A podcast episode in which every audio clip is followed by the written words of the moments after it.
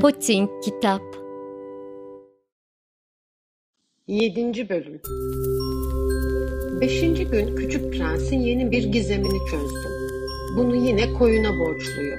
Birdenbire uzun zamandır düşündüğü anlaşılan bir soruyu soru vermişti.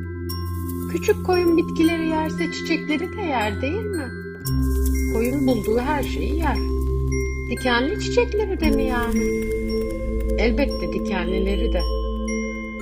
O zaman dikenler ne işe yarıyor? Açıkçası bilmiyordum. O sırada motorun sıkışmış bir vidasını gevşetmeye çalışıyordum. Durum epey ciddiydi. Bu yüzden kaygılıydım. İçme suyum da bitmek üzere olduğundan başıma ne geleceğini düşünüyordum. Dikenler ne işe yarar? Bir soru sorduğunda mutlaka cevabını alırdı. Benimse aklım vidaya takılmıştı. Gelişi güzel, Dikenler bir işe yaramaz, çiçeklerdeki kötülüktür dedim. Ne? Önce bir sessizlik oldu. Sonra küçük prens adeta öfkeyle patladı. İnanmıyorum sana, çiçekler zavallı yaratıklardır. Kötülüğü bilmezler. Dikenlerine bakıp güçlü olduklarını sanırlar. Karşılık veremedim. O sırada aklım başka bir şeydeydi. Şu vida diretirse diyordum. Bir çekiç vuruşuyla söküp atacağım. Küçük prens düşüncelerimi yeniden dağıttı. Yani sen çiçeklerin... Hayır dedim. Bir şey söylemedim. O öylesineydi. Görmüyor musun? Önemli işlerle uğraşıyorum. Yüzüme baktı. Duyduklarına inanamıyormuş gibi. Önemli işler mi? dedi. Yukarıdan aşağı beni süzerken elimde çekiç, parmaklarım yağlı, kendisini çirkin bulduğu nesnenin üstüne eğilmiş duruyordum. Aynı büyükler gibi konuşuyorsun. Ben biraz utanmıştım. O ise acımasızdı. Sen her şeyi birbirine karıştırıyorsun. Karma karışık ediyorsun. Gerçekten çok öfkeliydi. Saçları rüzgarda uçuşuyordu. Bir gezegende kırmızı suratlı biri yaşıyordu. Hiç çiçek koklamamış, yıldız görmemiş, hiç kimseyi sevmemiş. Sayıları toplamaktan başka bir şey yapmamış. Yine de bütün gün senin gibi önemli bir adamım ben Ciddi bir adamım ben der dururdu. Çok gururluydu. Ama adam değil mantarın tekiydi. Neyin tekiydi? Mantarın. Küçük prensin öfkeden yüzünün rengi atmıştı. Çiçeklerin milyonlarca yıldır dikeni var. Yine de bu sürede koyunlar onları yer.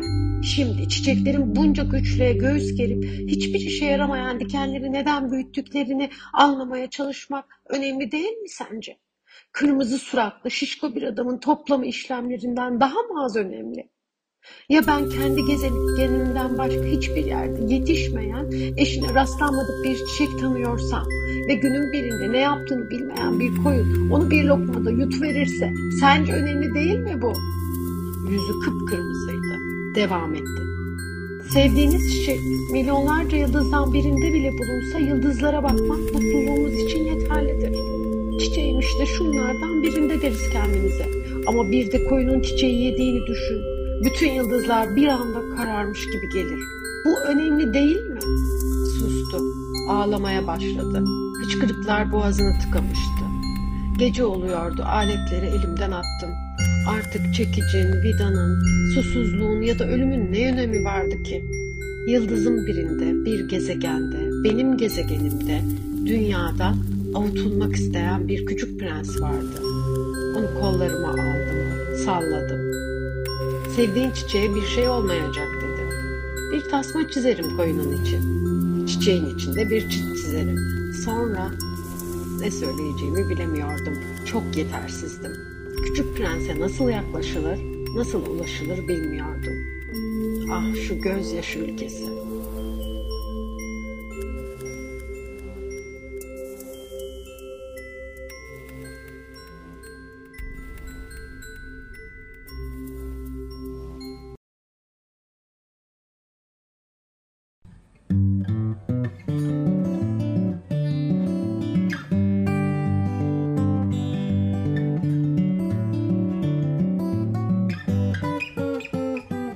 Potink Kitap